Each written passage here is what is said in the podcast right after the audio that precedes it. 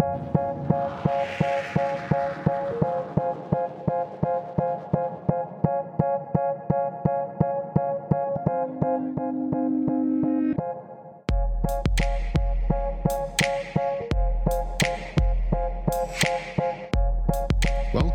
to the MAPS Podcast. Multidisciplinary Association for Psychedelic Studies.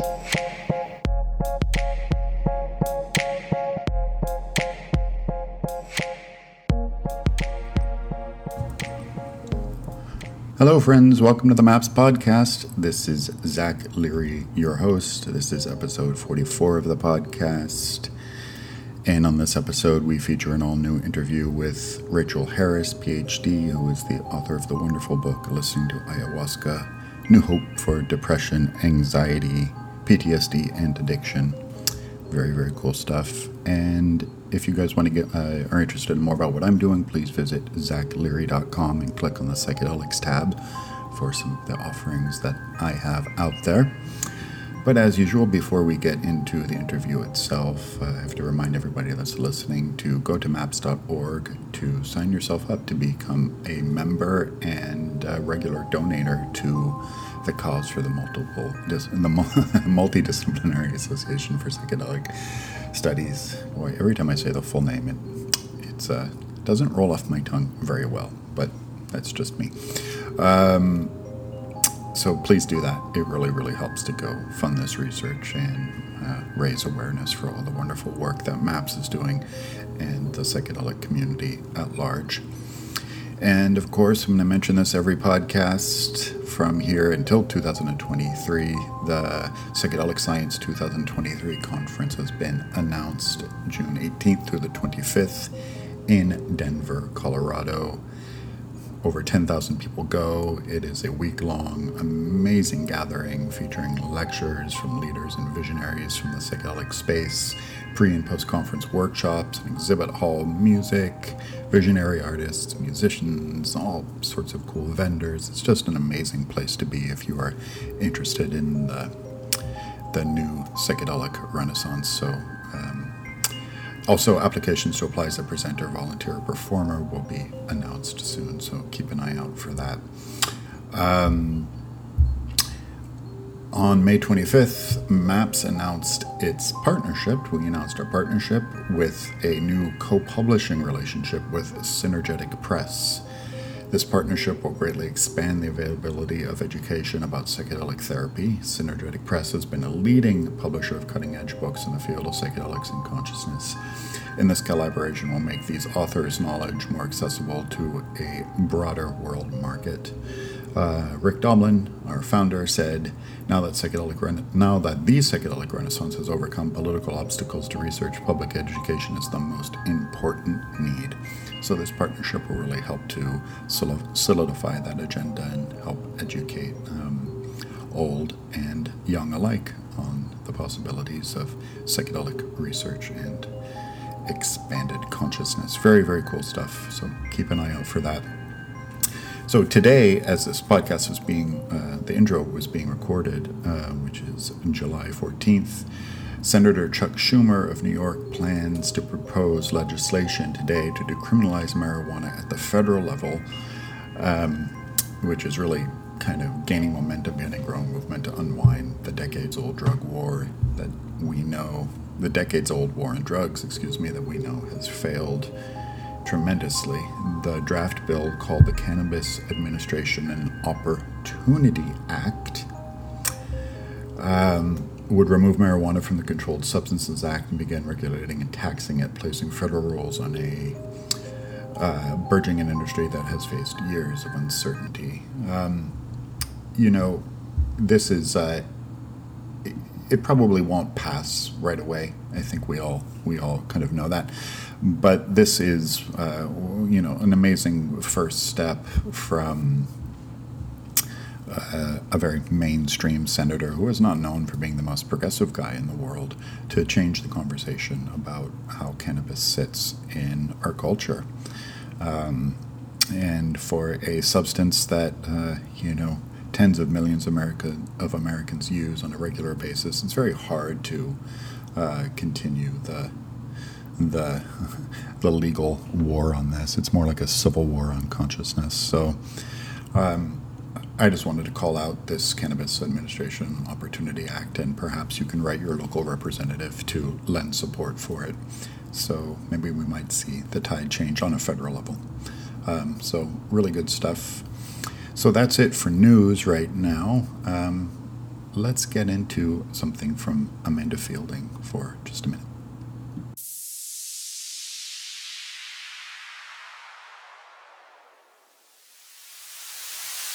Psychedelics are wondrous, non specific medicines of the future.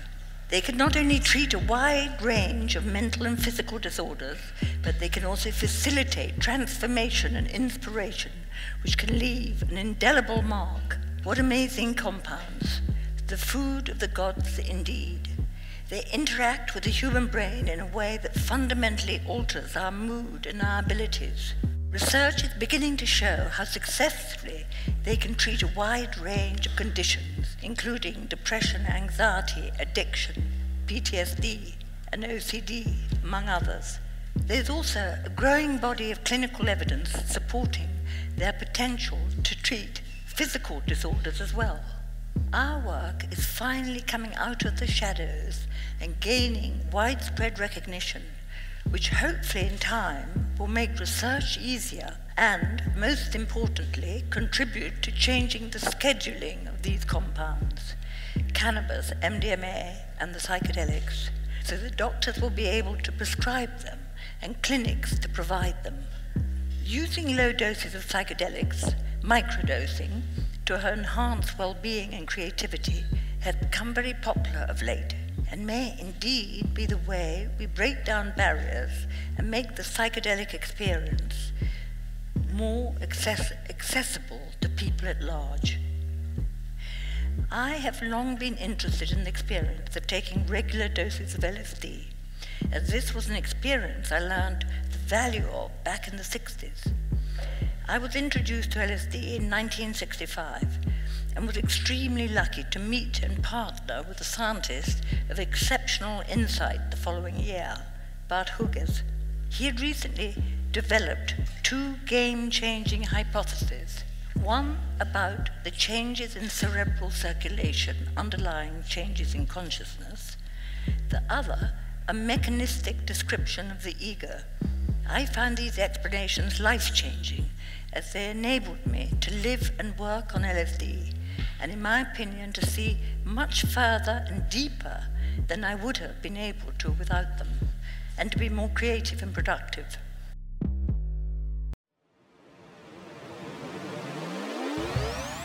I just love Amanda Fielding. She's from the Beckley Foundation and is a Countess of Wemyss and March in uh, in England and is a drug policy reformer, lobbyist, and research coordinator.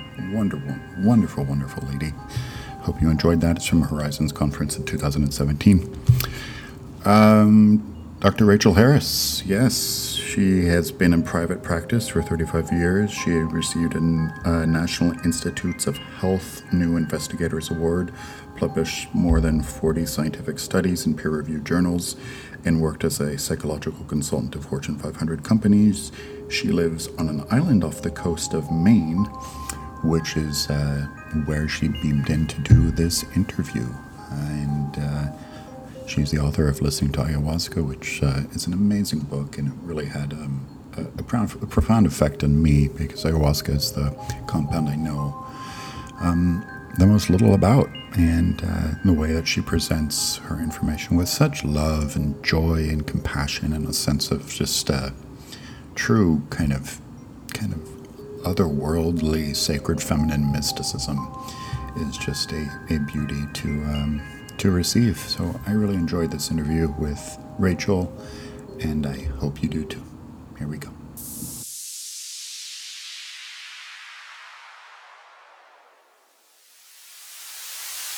Rachel Harris, thank you for joining the MAPS podcast. It's great to be with you. Thank you, Zach. Yeah. So I, I wanted to start with a, kind of a, a two part broad question. You know, I know you've been in private practice for quite a long time. Um, and I'm really interested in, in the juxtaposition of your um, experiences and research with ayahuasca and how that's affected your both your perception of traditional psychotherapy and your practice of psychotherapy. Yes, I, I was in psycho private practice for 35 years. Mm-hmm. And I tended to see people who were interested in their own growth and development. So in I lived in two different communities, one in Coconut Grove, Miami, and the other in Princeton, New Jersey. And people kind of knew me and they knew I had a background from years ago at Esalen. And so I would tend to attract people who were interested in those kinds of things. Hmm. So I was not, you know, I retired in 2010.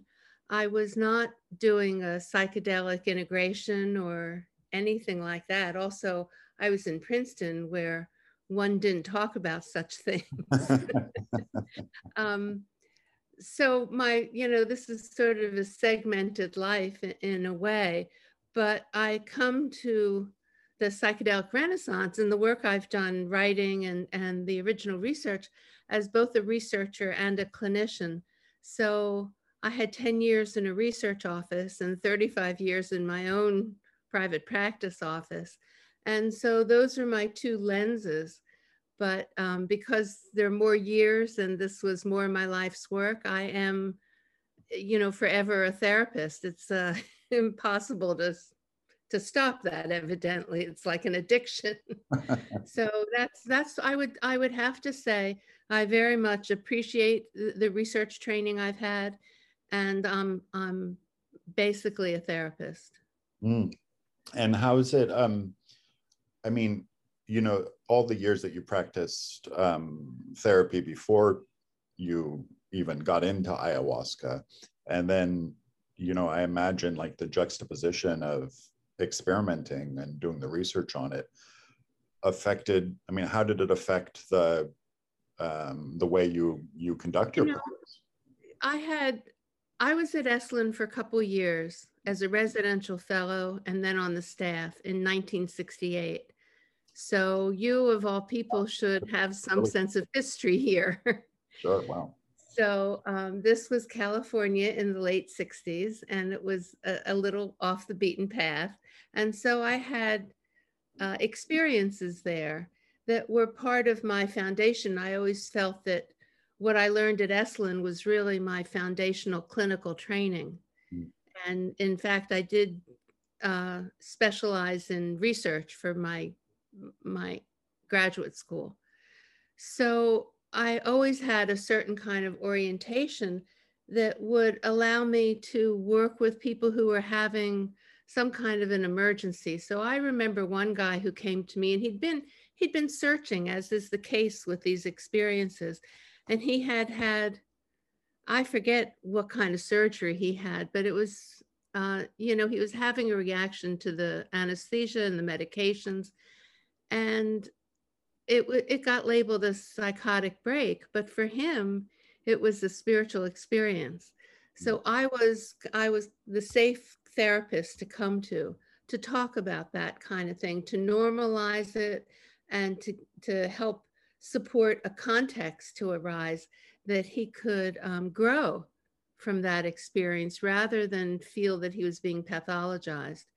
So my time you know, California was way ahead of its time in the 60s. Yeah. And um, especially. So that, yeah, so that kind of enabled me to to be supportive of some of these unusual experiences that people had. Just mm. just normal people in the course of living. I mean, so uh, I was sort of, you know, I had a broader frame, let's mm. say. I remember I, I I remember sitting on the floor in the in the lodge at Esalen when Stan was presenting his map of the of you know consciousness and and sort of a sequencing of where people go. And that's it was a transpersonal perspective that was certainly not included in either undergraduate or graduate school in the late 60s, but it was a much broader view. Mm. And so that's, you know, I was only 21, 22, 23. That was always my foundation. Hmm.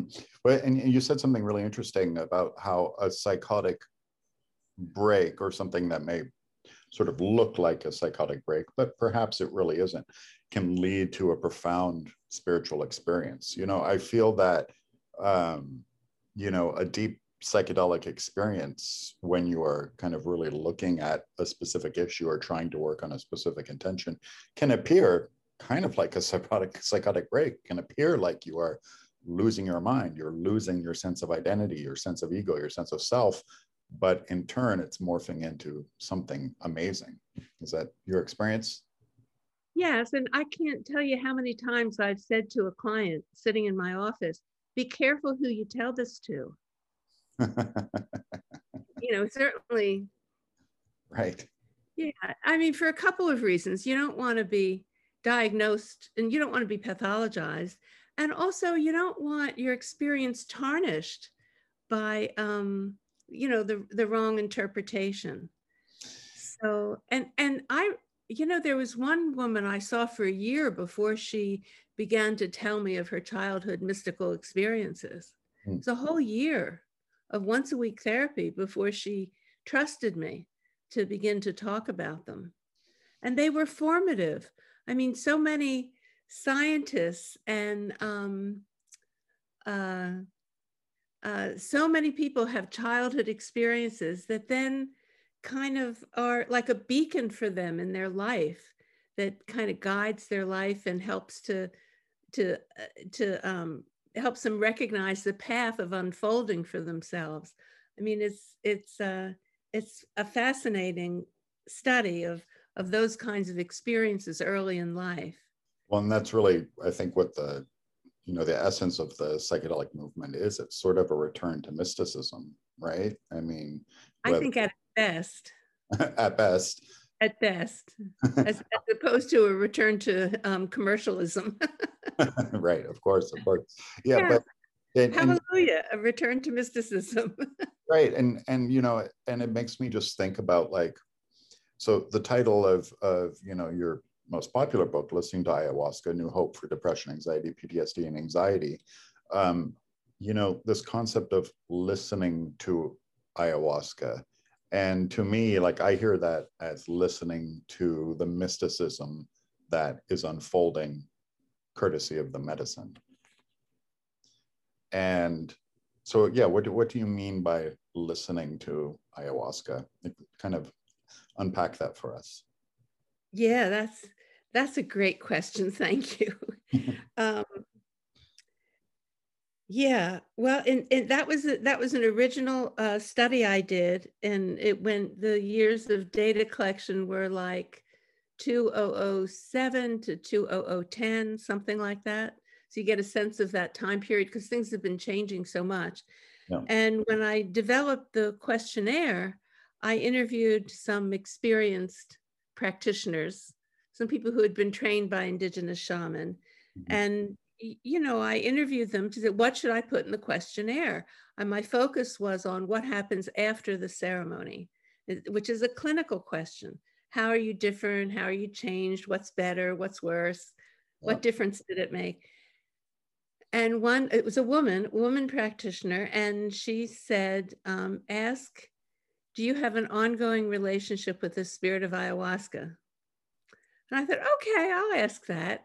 And you know, I had been I had been hearing a voice from grandmother ayahuasca in ceremonies that I really felt strongly was not my own inner voice. It was an outer voice that I heard inside. That's that's an interesting enough sentence where this outer world and inner world merges and changes and which is typical of an altered state. And um, so I was, I had been told, do the research. I had been told by this voice, I had specific instructions. And then when um, the data came back, and three quarters of the subjects, 81 subjects, three quarters of the subjects reported that they had an ongoing relationship with the spirit of ayahuasca. I, I was I was thrown into what I call ontological shock, I, which I'm embarrassed to report because I was also hearing a voice. I had a relationship, but I didn't think three quarters of the people did. so it turns turns out to be a, a frequent occurrence. and it's an amazing thing that that sort of collective uh, shared consciousness that uh, you know the tryptamine produces. So, do you think that spirit, that well, voice? That's a, that's a Western interpretation, uh, you know, that the tryptamine produces, because the indigenous perspective is that there are plant teachers, right. and this is the spirit of the plant. It's not drug induced, and people receive messages and have a relationship with the plant spirit when they're not under the influence. Okay, that say that that's a very big a big difference. And and what I was going to get into is sort of like the mindset between the shamanic worldview and the Western worldview, which you just started to to to, to mention there. I mean, they're two very different worldviews if you look at it that way. Yes, they are. And you don't see you know, with all the research that's being done, um, not many people are talking about plant teachers, master plant teachers, you know, plant spirits, not not in the academic research. So, but is this plant teacher, is it something that is a disembodied kind of a disembodied teacher that's outside of us, or is it within us all along and the plants help active? I, you know, how does that work? I, I can't be definitive. I have to say it's beyond my pay grade. I but um, you know the indigenous shaman will say it's nature. I mean, this is you know these are thank the plants. Don't thank me. Thank the plants. The plants are helping you. And and in the in the shamanic training, mm-hmm. um, people go through dietas with different kinds of plants to establish relationships with other plants so that they are benefited, so they receive guidance and healing from other plants besides grandmother ayahuasca. Tobacco, South American tobacco, uh, it's a rustic tobacco, is probably. Is that hape? No, uh-uh. But it's it's um I'm just not bringing up the, the right word for it, but it's uh, it's tobacco that's smoked during ayahuasca ceremonies, and the smoke is used for healing, and that to many people is is a master teacher also. Uh, at, at a similar level as ayahuasca. I don't I don't really mean to be grading them, but it's certainly way up there. And so it's a relationship with these um, different plants and the the the the the spirit of the plant, the plant teacher that gives power to people training to become a shaman. Okay, so let's walk me through the process here. If you are. So I don't know, Hopkins just has not researched this. I don't know why. not yet, not yet. Um, yeah. but the, the divinity studies going on at, at Hopkins are with psilocybin are, are, are fascinating. Um, I mean, they're kind of picking up where the Good Friday experiment left off in a way. But um, so under the Western mindset here, if you, whether you've been labeled or you feel that you have, let's say, um, depression, this is kind of a, a common disorder, and you are wanting to treat your depression with the aid of this plant wisdom, how do you merge the two worlds there? Because you are taking sort of this Western ideology of kind of disorders, like as classified by the DSM, but then you're kind of bringing it into this this tribal shamanic worldview, mystical thing. How do the two worlds meet so it can help you with your issue? Yeah, you know, we don't know a lot about that. I mean, we have firsthand reports of different ways that people have benefited, but we don't have we don't have clear-cut answers about how to do that. Um, one of the warnings I give people is don't go into a ceremony unless you have been screened for medications. And those are mostly the antidepressant medications, but some others as well, and for other diagnoses. Because if if whoever whatever group you're going to, if they have not really thoroughly and carefully screened you, then it's not a safe group. And part of the reason is if the person is on antidepressants, the serotonin SSRIs, um, they're they're at risk for a, an overdose of serotonin for serotonin syndrome, which can be very dangerous. Yeah. So the the antidepressants really can't be mixed. So people often will have to go off their antidepressant medication in order to enter into a ceremony. Um, and then some people report that the depression lifted immediately that you know that the next day they felt great and they weren't depressed again. Some of the research i think this is from south america talks about the um, the serotonin levels go up after an ayahuasca ceremony and then after a couple weeks they it begins to go down because they're they're taking measurements. And um, the the santo daime church has church meetings regularly and um, it so it counteracts it keeps the serotonin high. It counteracts that diminishment over time. And you know the research on people who have benefited from being members of that church is substantial that they've been healed of terrible addictions and bad behavior with the law and all you know they've changed their lives around. So there are a lot of different reports. Um, you know at the conferences i go to uh, I always listen most carefully to the veterans because they have suffered so mm. deeply. And yeah. it's yes, it's PTSD and it's also depression and it's anxieties. I mean, they just have diagnoses across the board. And you know, the, I remember one presentation they had, they took photographs of their medicine. It was a, four, a panel of four vets, and they had photographs of their medicine cabinets that were full of prescription drugs and and one of them said i was prescribed 20 different medications i was supposed to be taking. So what they did and you know this is very this is just an example of how some people are using some of these med, these entheogens is they said i i used marijuana to get off of all these prescription meds. And then when it was just me and marijuana then i went to ayahuasca ceremonies and they went to south america this group of veterans. Um, and that I went to ayahuasca ceremonies for the healing, for the emotional healing. And they're the ones who talk, you know, at these um, conferences, they talk more about the ongoing process of working with ayahuasca ceremonies. So they know I don't just go to one ceremony and then miraculously I'm healed.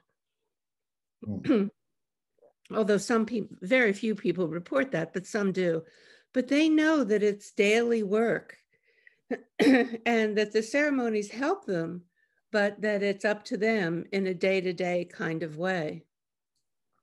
What is that day to day kind of way? Because um, you know, how does that turn into a practice? Because I think what you're describing to me is really, you know, the um, the induction of a spiritual practice and how this kind of leads to an everyday, you know, repetition or meditation or something that helps you sort of connect these dots in the form of, I mean, I guess we're calling it integration these days. But what is that day to day practice that you're talking about? Right. Well, what they report is is not the kinds of things you think of when people talk about integration. It's not, they don't talk about a spiritual practice. They mm. might have it, but that's not what they're talking about they're talking about um, it's a more psychological discussion about how they work with themselves. So when thoughts come up, what do they do with it? Or images come up, how do they handle it? How do they behave? What, how, it, it's really, you know, the spiritual description would be Buddhist, right action. Yeah. And it's, um, so it's more kind of working with their daily way of being hmm. uh, and how they manage themselves and their emotions and their thoughts. And I just want to say, I know that sounds a little bit like cognitive therapy, but it's that's not how they're doing it. That's not what I mean. Um, and cognitive therapy is the dominant therapy that's taught in graduate schools. So it's often a short term approach to symptoms. Um, but that's not what the veterans are talking about. They're talking about an increased self awareness and a shift in their relationship to themselves so that they're kinder to themselves, they're more self accepting, um, and uh, and have greater objectivity hmm. in relationship to their the technical term would be mishigas it's a yiddish term you know to their own we all have our own crazy way of being inside our heads. And so they're they have a more objective relationship to the stuff that goes on inside their heads. It would be in research terms it would be the default mode network that's just constantly churning thoughts and and stuff up. And how do they deal with that? And so it's uh it's more than just a cognitive approach. It's it's more of a a spiritual awareness approach of working with themselves. As Ram Dass would say making friends with exactly. Exactly. I invite them in for tea. He, he, would also call them mishigas it would be the same. And and, yeah. and in your book you you write about like the relationship with i think mm-hmm. say the relationship with the unseen. You know i i that that feels a lot like this to me because you know and in, in, the west we're so fixated on trying to identify intellectualize categorize put it into some data set and and, and mm-hmm. so on and so forth. And the unseen you know that other dimension of ourself and our relationship to consciousness can't necessarily be defined i think. Right. And that's some of the mystery. Mm and certainly you know the relationship with a plant spirit is in that category. I mean you know we can't really pin this down or define it too well. So it's it's relationship to the other. And yeah. I mean do you think that that relationship to to the other how do we bring this this relationship to a way, to a language that works for us in the West? Gee, by definition, I think that's we're we're not very good at that as Westerners. You know, we like to measure things and have them be concrete and material.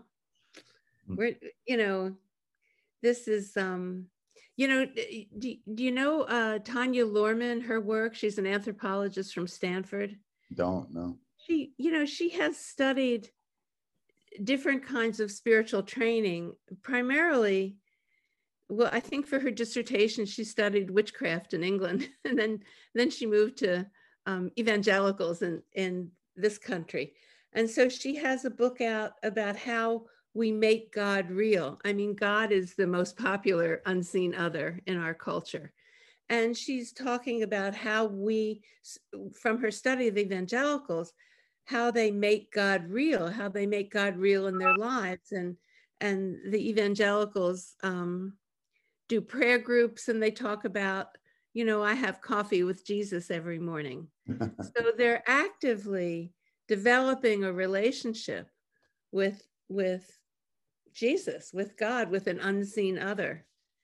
And uh, the shaman have sort of a different approach.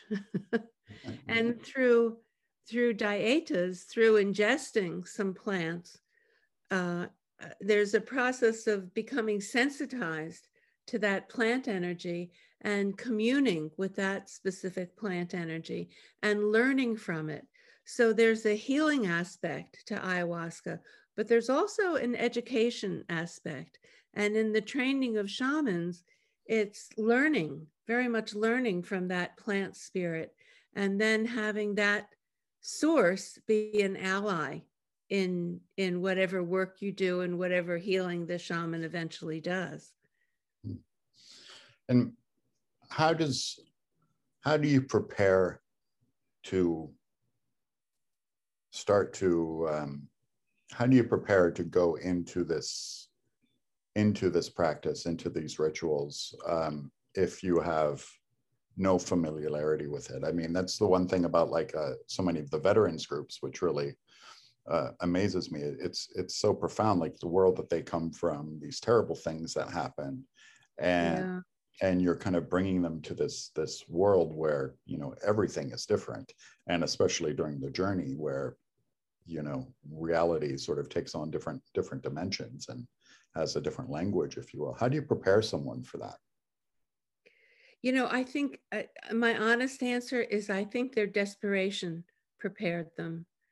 You know the suffering is so profound and uh, you know some of the veterans who speak are from the early 1990s but some of them were vietnam veterans. That mm. means they have suffered their whole lives. So long. And so i think their desperation takes them to into these into anything that will help them and so the and then there are other veterans who have worked with ayahuasca who will bring them to peru. So they go with other vets. And uh, so it's people who really understand what they're going through. And i think that's i don't think someone like me could prepare them.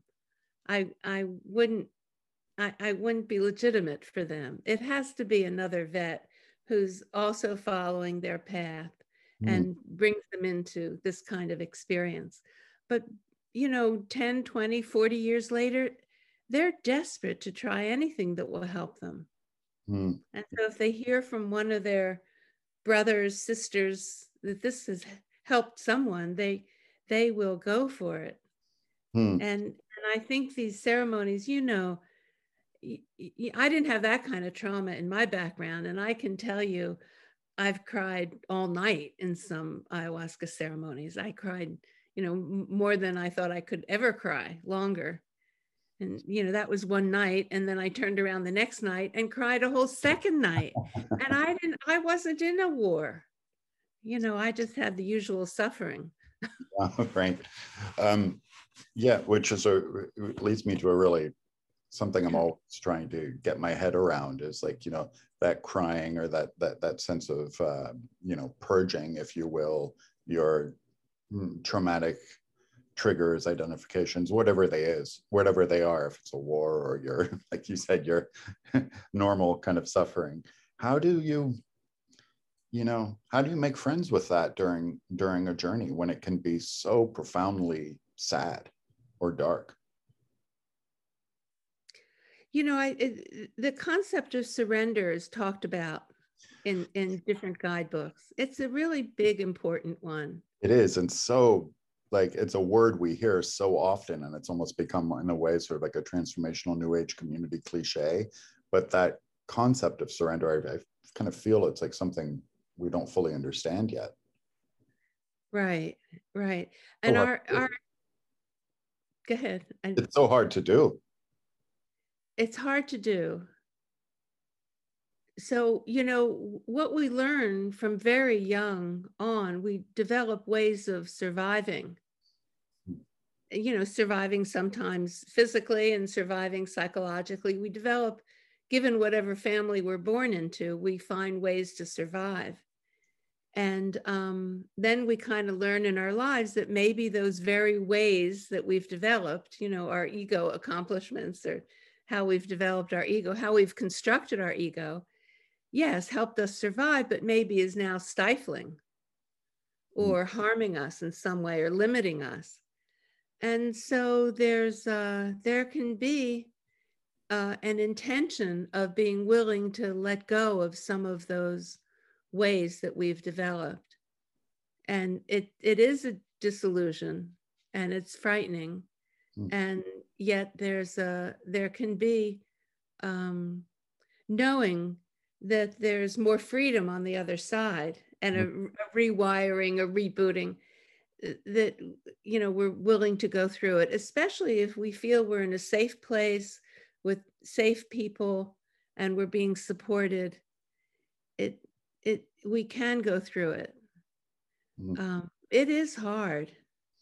I mean, yeah. I, it, it's very hard. I mean, my, my own personal experiences I, with uh, I mean, ayahuasca, I know the least about, but with psychedelics in relationship to addiction and my own addiction, they were just so profoundly difficult to face, even though I know I'm going to face them head on, you know, during the, the ceremony, yeah. you know, yeah. even though I intellectually know that and know that's what's going to happen, it's right. incredibly difficult.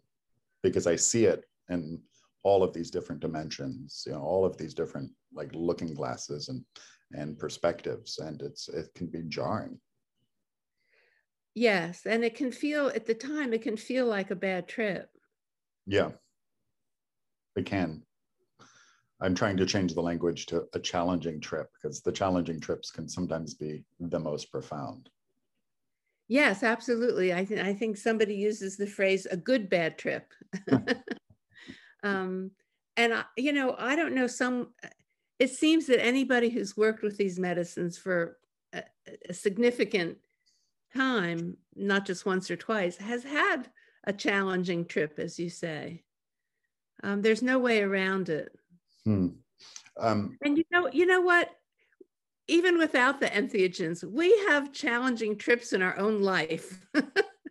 you know, things happen in life that are very challenging and can shatter, you know, what we've built up to survive. And um, so things happen in a spontaneous, natural way too, as well as with the medicines. There's mm. just no escaping, mm. you know, these challenges or suffering in life. And I mean, you know, at a certain age, who hasn't been brought down to their knees? So absolutely.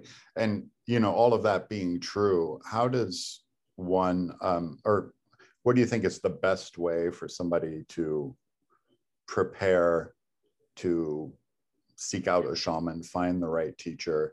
I mean, in these days with, uh, you know, I, I didn't, I wasn't sure if I wanted to bring it up, but I do think it's important with, you know, the popularity of ayahuasca tourism, I guess, for, for lack of a better word. Um, you know, there's an explosion of, of shamans, some great, maybe some not so great. Um, how does one really prepare in the most ethical, high vibe way to undertake this work? This is, is I don't have a good answer to this question because there's so there's such an array of uh, people out there doing some of this work, whether in this country underground or or in in South America.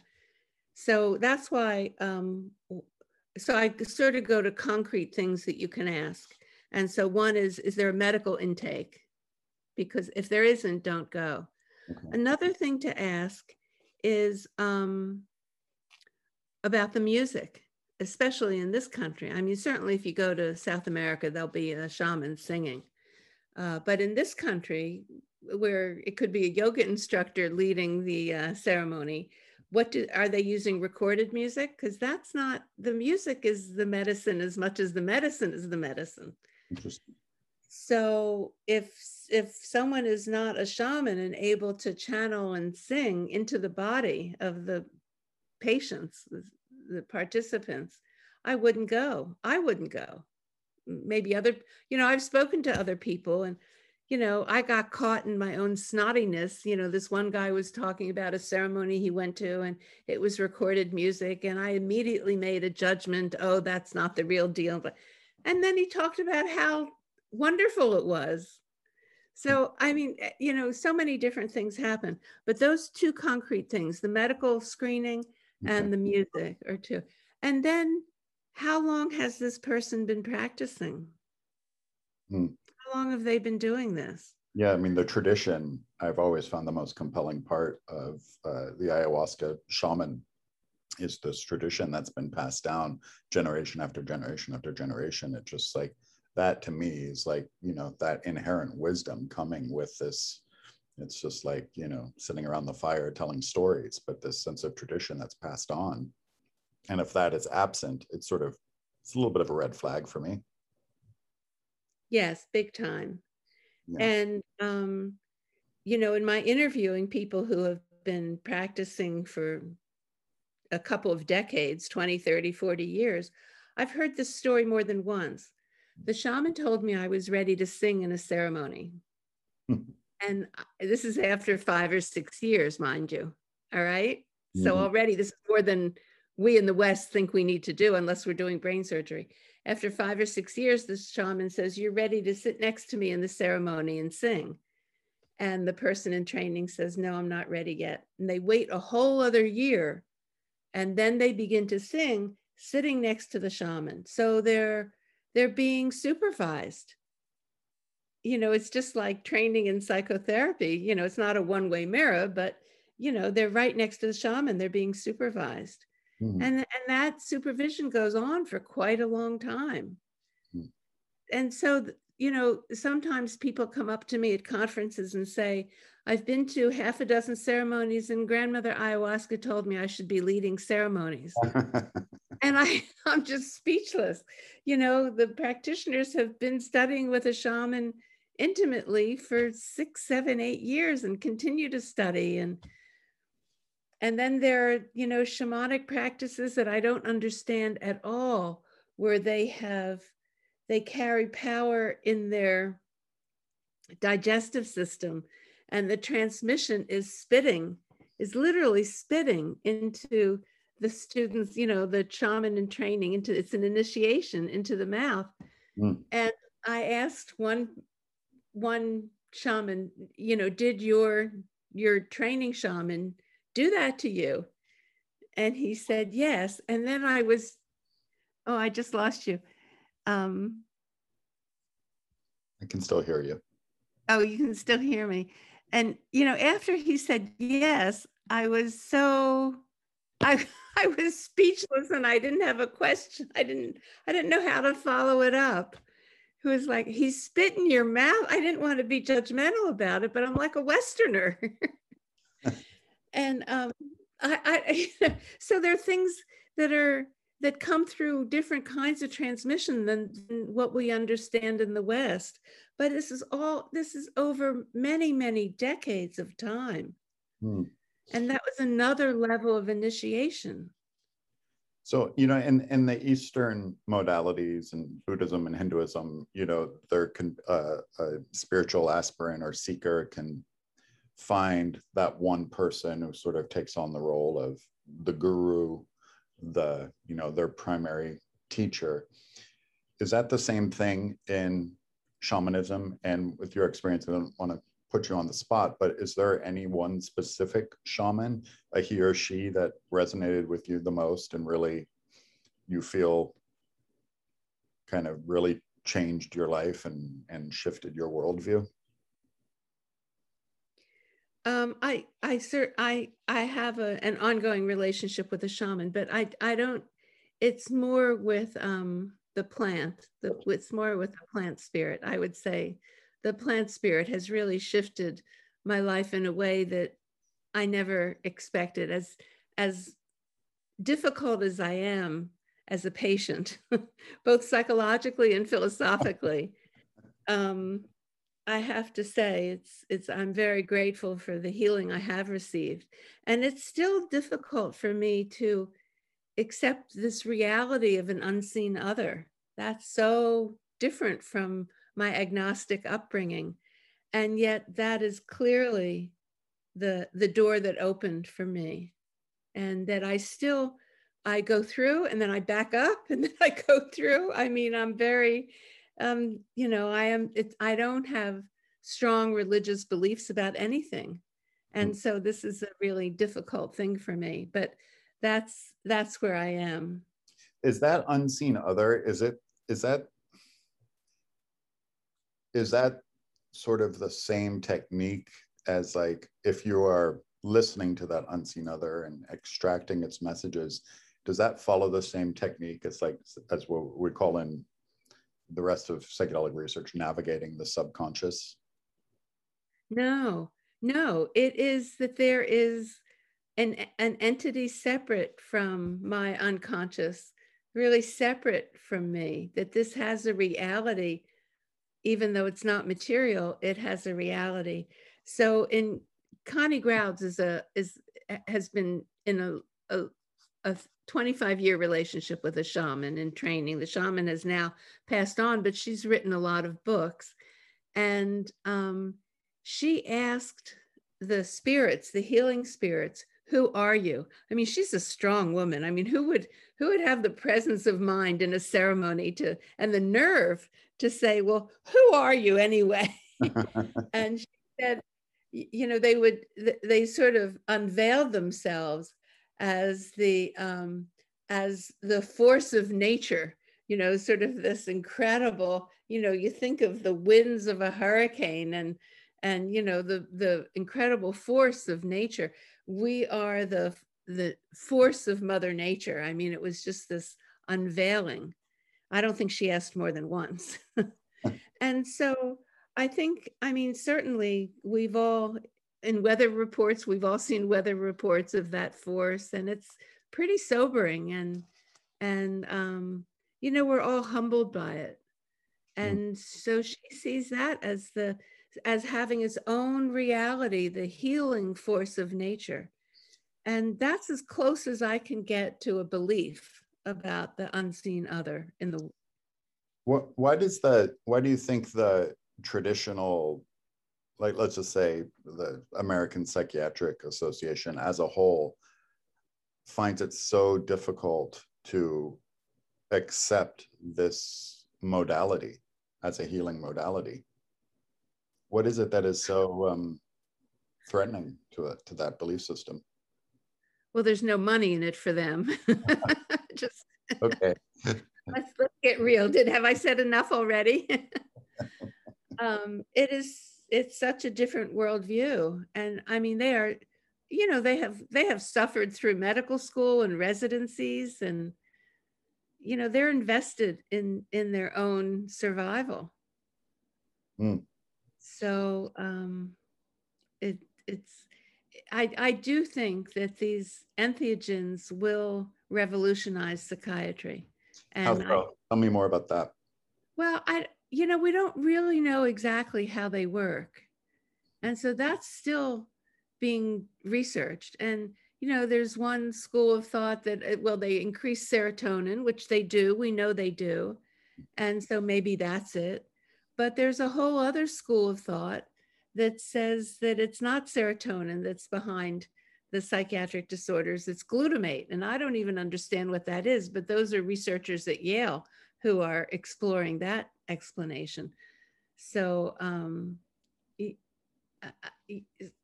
and and then there's a group of psychiatrists who have gotten together and said, you know, it's the DSM is not really defining separate diagnoses.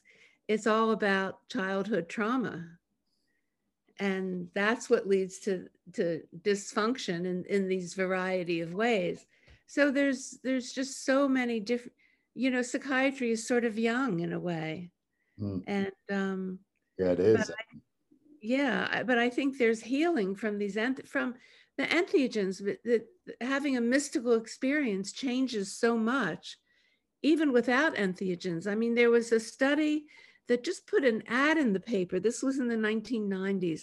They just put it, the, the book is called Quantum Change. I mean, there are professional articles and scientific journals about this, but there's a paperback, Quantum Change. These two psychologists just put an ad in the paper looking for people who had had a spiritual experience that changed their life. And they, enough for people responded to them that they were able to interview them and and um, one of the major changes was that their value system changed. So what they had valued before in terms of success or, uh, you know, um, commercialism or consumerism had changed to, um, you know, supporting the environment, contributing to community. And then, and, and those, those were big, that's a big change. And then they followed them up 10 years later, which is an amazing feat of data collection and research. 10 years later, they found um, almost all of these people again. And those values had stayed changed. In other words, they did not revert back to making money and buying new cars. They continued to develop in these ways that were much more humanitarian and, um, and community oriented. So it was a permanent shift from a spontaneous mystical experience that mm. many of them had never told anybody about because who talks about these things? Right. And, and I can't tell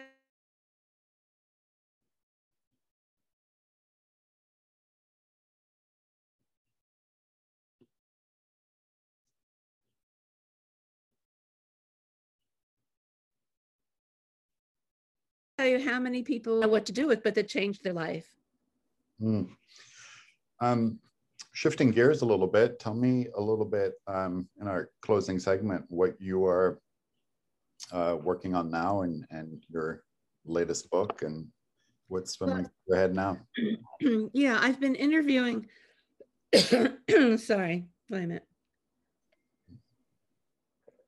I've been interviewing underground elders, women who have been practicing for 20, 30, 40 years. And they've never talked to anyone. They talk to each other, mm. but they've never been interviewed. Wow. They don't talk in in conferences because they continue to work. So mm. they continue to be underground. And um, I can say a few things about them. Some of we, some of this we've touched on is that many of them had childhood, spiritual childhood experiences. And so that sort of led them to be searching for spiritual experiences in their adult lives. And that's how they came to entheogens. It wasn't that they were cheerleaders who suddenly did a trip and and became spiritual. They they found the medicines because of their own searching and their own work on healing themselves. And that process continued throughout their lives. I mean, so they are constantly working on themselves. And the use of entheogens is a part of that, but it's a commitment to individual evolution and growth and development. And so it's the sort of thing that you know, if you meet, if you are shopping for a therapist, you have every right to ask them, have you been in therapy yourself? and you'd be shocked at how many would say no. or I did a little, you know, I did a few months here. You know, you want you when you want to put yourself in someone's hands, your psyche and your soul, you want to know that they've worked on themselves, that they have also been committed to this process and gone through as you say, challenging dark nights of the soul, and that they really understand that this is a process that goes is unending basically. And so these women have been committed to that and in their own lives. And that's very different from some of the young younger people who are just wanting to jump in and be spiritual guides where they haven't worked on themselves enough it's you know i i i always said when I was younger, I wouldn't start a private practice till I had gray hair. and it's sort of the same thing. I felt I had to mature and and have more of life in me, life experience. So I think that's very important. And then the other thing is they have been mentored. And we in this culture don't understand it's more than having like a business mentor at work, you know, who who you know tries to get you a, a better salary mentoring in this in this context is almost like an adoption and so um, I, I had the experience of being mentored in body work in, in the late 60s. Hmm. And I can tell you, I can make that woman's chicken salad. right? That's what mentoring is. You're you, you know, there were months when I lived with with that family, with her. And so it's it's a, a huge investment of time and energy into a young person. And it goes on for years and years. And i was with her when she died. I mean that's it's this it's a it's a very big commitment. And um so it's not just a six week training program or even a year long you know training program it's very intimate and and important and um, you know, I found this reference to. I was reading a, a book by a, a, a mystical architect, if you can put those two things together, and he had he had a, a hobby of collecting Turkish rugs from 1100 to 1200. I mean, this is one specific ancient Turkish rug he was interested in, and he wrote a book about it, which I don't know how many people read, hmm. but I read the book. because I was very interested in his perspective and he would be he would meditate on these rug designs and and and felt that he was really receiving teachings from them. And he talked about to learn how to dye, to dye the colors of the yarn. How long do you think that apprenticeship lasted to become a rug dyer? I, I would guess years. 15. Wow. and in the 1100s, how long did people live in Turkey?